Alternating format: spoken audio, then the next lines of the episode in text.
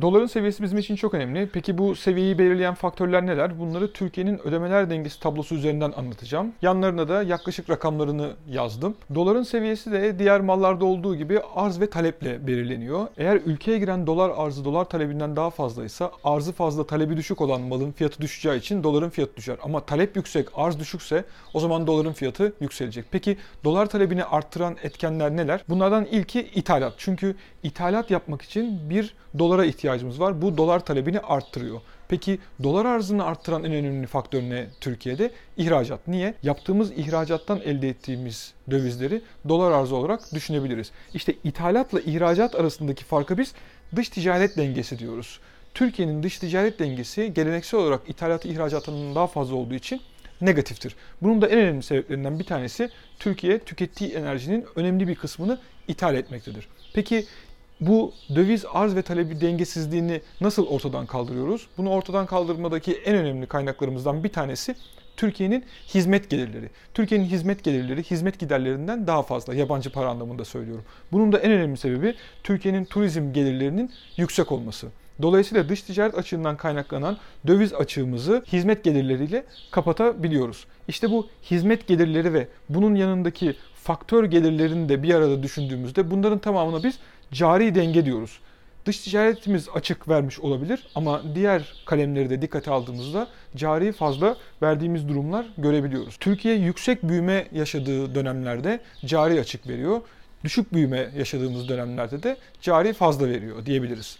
Bunun da en büyük sebebi yüksek büyüme olan dönemlerde tüketim arttığı için, tüketimin de bir kısmı ithalata dayalı olduğu için ithalatımızdaki artış Türkiye'nin cari açığını arttırıyor. Peki cari açık arttığında bunu nasıl finanse ediyoruz? Finansman kaynaklarından bir tanesi Türkiye'ye yapılan doğrudan yatırımlar. Ne demek doğrudan yatırım? Yabancının gelip Türkiye'de fabrika alması, banka alması, konut alması bunlara doğrudan yatırım diyoruz.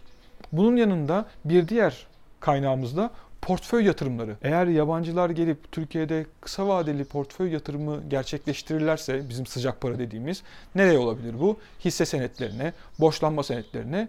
Buradan da Türkiye'ye bir döviz arzı gerçekleşmiş oluyor. Bir de borçlanma meselesi var. Gerek bankaların, gerek kamunun, gerek özel sektörün kısa vadeli yabancı para kredilerini geri ödemeleri gerekiyor. Bu da bir döviz talebi yaratıyor. Eğer bu kredi geri ödemelerini rahat bir şekilde gerçekleştirebilirlerse, bu kredileri çevirebilirlerse, yeni kredi bulabilirlerse o zaman bir döviz arzı yaratmış oluyorlar.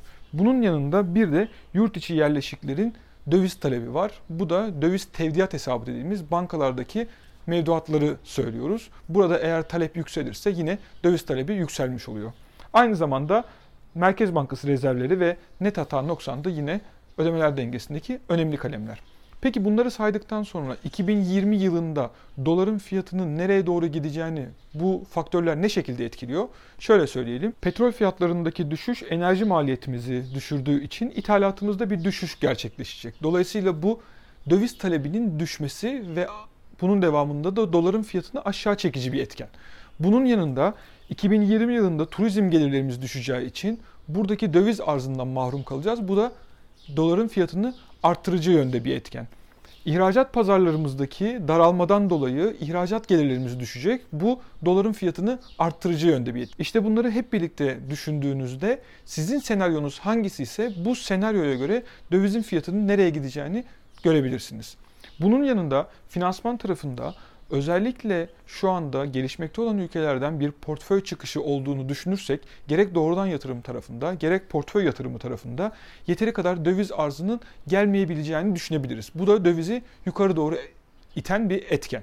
Bunun devamında borçlanma tarafında gerek özel sektör gerek bankaların kısa vadeli borç yenilemelerinde yeteri kadar kaynak bulamazlarsa bu da dövizi yukarı çeken etkenlerden bir tanesi olacak. İşte bu tarz zorluklar düşünüldüğü için uluslararası piyasadan bir döviz talebi olma durumu söz konusu. İşte bu uluslararası kuruluşlardan ya da diğer büyük merkez bankalarından alınabilecek dövizin dolar kuru üzerinde ciddi bir etkisi olacaktır. Çünkü Türkiye'ye girecek döviz arzını arttıracağı için doları aşağı doğru çekecektir.